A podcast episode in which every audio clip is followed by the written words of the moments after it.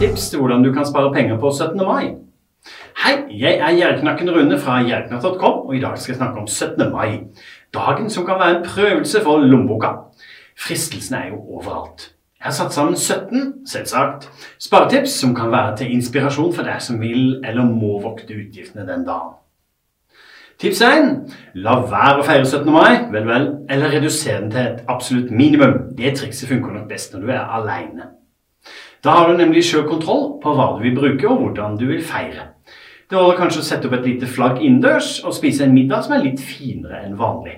Sånn markerer du dagen uten at det får nevneverdig å si for lommeboka di. Det går jo også mye bra på TV du kan følge med den dagen, både fra 17. mai-feiringer rundt om i landet, og også mange fine filmer som kan få deg i stemning. Tips 2. Planlegg innkjøp god tid i forveien. Mange matbutikker har tilbud på pølsebrød, grillmat og is akkurat i disse dager, og ganske sikkert ikke rett før 17. mai. Men du har kanskje fått med deg at det er priskrig akkurat nå, akkurat sånn som det har vært før påske og jul av og til. Tips 3. Gi barna en sum penger som skal disponeres gjennom hele dagen. Da blir de mer bevisst på hva de velger å bruke pengene på. Av erfaring blir det billigere enn å pøse på med penger gjennom dagen. Det samme gjelder vel kanskje deg sjøl. Har du ikke barn, men skal feire ute på byen, ta med deg en sum kontanter, og sørg for at du ikke bruker mer enn akkurat det. Tips fire. Pass på at ungene og du sjøl er mette før dere drar hjemmefra, sånn at de ikke må kjøpe en masse is og pølser fordi de er sultne. Da slipper man også matsøl på finklærne. Spis en stor og god frokost med andre. Tips fem. Arve eller kjøpe brukt pentøy. Unngå å kjøpe nye klær. Husk at mange butikker selger billige festdrakter hvis du absolutt føler at ungene må ha typiske 17. mai-klær på seg. Sjekk om klærne du kjøper kan vaskes i vaskemaskin. Rens av klær er dyrt. Tips 6. Gå sammen med gode naboer, venner og familie og lag 17. mai-fest hjemme. Lag et spleiselag hvor alle deltar med mat. Både sosialt og billigere enn å gå på restaurant.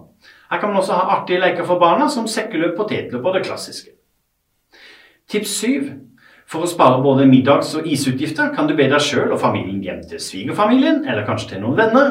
De blir garantert glade for å feire dagen sammen med dere. Samtidig slipper du å styre med pynting og mat hjemme.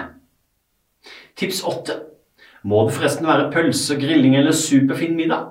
En av tipsene mine forteller at det i hennes område er vanlig å spise ertesuppe på 17. mai. Genial middagsidé som kan forberedes god tid i forveien. Og ikke minst blir det kanskje rester igjen som kan spises senere i uka, eller fryses ned.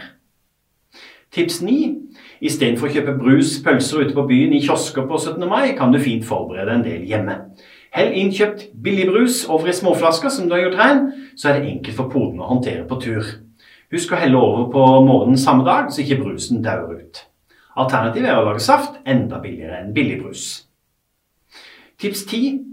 Mange steder, f.eks. her jeg bor, deles det ut gratis is og pølser til store og små barn som deltar i 17. mai-toget. Og da er det jo gode muligheter for å kombinere moro, mosjon og pengesparing.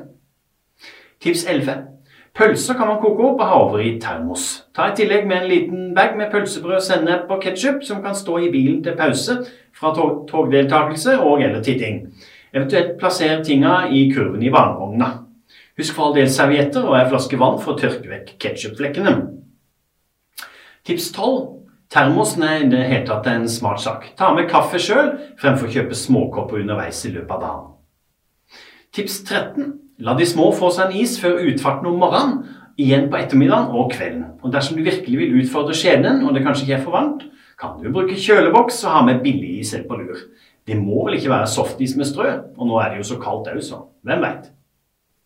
Tips 14. Dersom du ikke har barn som skal gå i tog og beskjeftiges hele dagen, kan det være like deilig å tilbringe dagen hjemme, på balkongen, i hagen eller på hytta. Tips 15 til de voksne som pleier å kikke litt i glasset på denne dagen. Det er vel ikke nødvendig å overdrive med godsakene.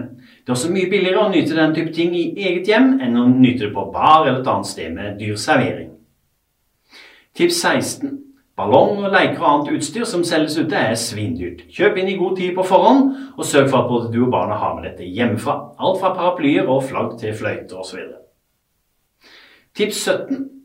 Ta vare på fløyter, sløyfer, flagg og bruk dem om og om igjen. Bruk gjerne en boks så du finner igjen alt du trenger på ett og samme sted. I boksen kan du også ta vare på lys, servietter og annen pynt som er flaggrelatert. Det gjør vi. Og husk for all del når dagen kommer, gratulerer hverandre gjerne med dagen. Det er jo helt gratis. Takk for meg. Dersom du likte dette innlegget, håper du har lyst til å ta en titt på nettsida mi jeriknatt.com, og ellers følg med på sosiale medier som YouTube, Facebook, Snapchat og Instagram.